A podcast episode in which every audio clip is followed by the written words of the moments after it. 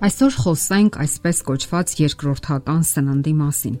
Երկրորդական սնունդ անվանում են մշակված եւ պահածոյացված սննդատեսակները։ Դա իհարկե այնքան էլ օգտակար եւ սննդային արժեքով հարուստ կերակուր չէ, սակայն մարդիկ որոշ դեպքերում հարկադրված օգտագործում են։ Հարցն այն է, որ 20-րդ դարից սկսած շատ մեծ փոփոխություններ են տեղի ունեցել մարդու սննդակարգի մեջ։ Մթերքները սկսել են ավելի շատ ենթարկել ջերմային մշակման, եփել, պահածոյացնել, դրանք զրկելով բնական սննդային արժեքից։ Դա կոպիտ ասած այլևս սնունդ չէ, եւ այնուամենայնիվ շատերն են լուրջ կախվածության մեջ այդ օրինակ սննդամթերքից։ Այդ այսպես կոչված դատարկ երկրորդական սննդին ընտելացած մարդիկ պետք է իմանան, որ շատ մթերքներ երբեք էլ նախատեսված չեն եղել եփելու համար։ Պահածոյացված մթերքը հորինվել է որպես յուրատեսակ փրկարար գավազան քաղցի հանկարծակի լայնածավալ բռնկումների կամ ընդգրկումների ժամանակ, երաշտների, պատերազմների, հերավոր վայրեր ուղարկելու համար։ Առաջին անգամ այն մեծապես օգտագործվել է Նապոլեոն Բոնապարտի ժամանակ 19-րդ դարում, երբ կարիք առաջացավ ֆրանսիական գիտնականներից գտնել մի այնպիսի եղանակ, որի օգնությամբ ֆրանսիական բանակը իր հետ կարող էր տանել մեծ քանակի սննդամթերք, շարժվել առաջ առանց առանձնահատուկ խնդիրների, չմտածելով ապագայի մասին եւ երբ հակառակորդը նահանջելիս այրեց ծորենի դաշտերը, ոչնչացրեց սննդամթերքի pašարները, ֆրանսիացի զինվորների առաջ չոքեց մահվան սպառնալիքը։ Եվ ահա պահածոյացված սնունդը օգնեց նրան դիմանալու, որովհետև ոչ մի տեսակի այսպես կոչված կենթանի սնունդ չկար։ Իսկ ահա խաղաղ պայմաններում այդպիսի խնդիր չկա։ Սա իհարկե չի նշանակում նաև, որ պետք է կտրականապես հրաժարվել պահածոյացված մթերքներից։ Մի տեղում գոյություն ունեցող որոշ սննդամթերքներ կարելի այդ ձևով հասցնել մեկ այլ տեղ պահել ձմեռվա համար կամ վայրեր, որտեղ թարմ մրգերի կամ բանջարեղենի հիմնախնդիր կա եւ այդ ձևով փոքրինչ մեղմում են այդ խնդիրը։ Ասենք օրինակ մեղրը։ Շատերը չեն հասկանում, որ այն համարյա իդեալական մթերք է իր բնական վիճակում։ Իսկ ահա տաքացրած մեղրը կորցնում է շատ օգտակար հատկություններ, եթե այդպես կերակրենք մեղուներին, պարզապես կսպանենք նրանց։ Վաղուց պարզված է, որ բնական մթերքները տաքացնելիս քայքայվում են նրա էնզիմները, վիտամինները եւ հանքային աղերը։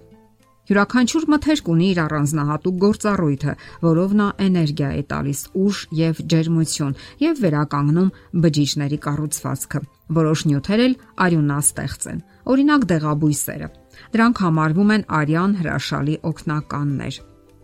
Օրինակ բազուկը, կանաչին, սև բալը, մեղվափոշին։ Սրանք հրաշալիորեն կառուցում են արյունը եւ առույգություն ապարգևում։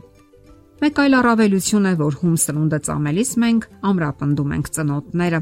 այդ յուրատեսակ վարժության միջոցով։ Իսկ կոպիտ բջջանքը նպաստում է մարսողական համակարգի երանդուն գործունեությանը եւ բարձր պահում աղիների տոնուսը։ Նկատենք, որ օգտակար սննդի հիմքը դրվել է արդեն դրախտից։ Առաջին մարդիկ օգտագործել են մթերքները իրենց կատարյալ իդեալական վիճակում եւ երբեք չեն մտածել, որ այն կարելի է եփել կամ պահածոյացնել իսկ այդ կատարյալ եւ անփոխարինելի կերակուրը սերմ տվող պտուղներն ու բույսերն էին, որոնք իրենց մեջ կյանք էին ապարունակում կենթանի էնզիմներ։ Էնզիմները շատ օգտակար եւ զգայուն նյութեր են։ 47 աստիճանից բարձր ջերմության դեպքում նրանք դառնում են իներտ, իսկ 54 աստիճանի դեպքում արդեն դադարում է նրանց կյանքը։ Էնզիմները սերմերի մեջ գտնվում են անշարժ վիճակում եւ որոշ պայմաններում նրանք կարող են պահպանվել 1000 տարի։ Շատ երկար պահպանվում են նաև ամենացածր ջերմության տակ, չկորցնելով իրենց հատկանիշները։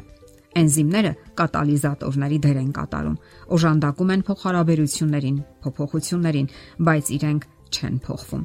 Շնորհիվ գիտական հետազոտությունների մենք այսօր կարող ենք վերլուծել ու ճշգրիտ որոշել, թե ինչպիսի միացություններից է կազմված սնունդը եւ որքանով է այն անհրաժեշտ մեր մարմնին։ Մեր մարմինը կազմված է բազմաթիվ նյութերի ատոմներից։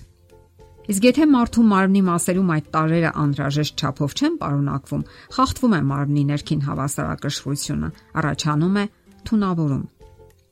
Մեր մարմնին անհրաժեշտ առաջին եւ ամենակարևոր նյութը թթվածինն է։ Սակայն երբ սնունդը ենթարկվում է ջերմային մշակման, նրանից ամբողջ թթվածինը հեռանում է։ Էնզիմները քայքայվում են եւ կենսաբանական ուժի մեծ մասը կորչում է։ Սերնդից սերունդ ապրել եւ ապրում են միլիարդավոր մարդիկ, ովքեր օգտագործում են կրակի վրա պատրաստված կերակուր, բայց դա դեռ ապացույց չէ այն բանի, որ նրանք ապրում են շնորհիվ այդպիսի սննդի։ Իրականում նրանց մարմինը մշտապես թունավորված է, որի հետևանքով էլ կրճատվում է կյանքի տարիները։ Չնայած եփած սնունդը պահում է մեր գոյությունը, այն ոչ մի դեպքում չի օժանդակում ատոմների վերականգնմանը։ Կարելի է սնվել օրական 4-ից 5 անգամ, իսկ մարմինը այնուամենայնիվ կարող է հյուծվել սննդի մեջ կենսական անհրաժեշտ նյութերի անբավարարության եւ էնզիմների հաշվեկշռի խախտման հետևանքով։ Մարդու մարմնի համակարգը մակրողները մրգահյութերն են։ Ընդ որում մրգերը պետք է լինեն հասած։ Ասացվածքն ասում է. օրը մեկ խնձոր եւ բժիշկը հերու դռնից։ Իսկ մարմնի կառուցողն ու վերականգնողը բանջարեղենի հյութերն են։ Դրանում կան մարդուն անհրաժեշտ բոլոր ամինոթթուները, հանքային աղերը, էնզիմներն ու վիտամինները։ Միայն անհրաժեշտ է դրանք օգտագործել թարմ, հում վիճակում, առանց պահածոյացման։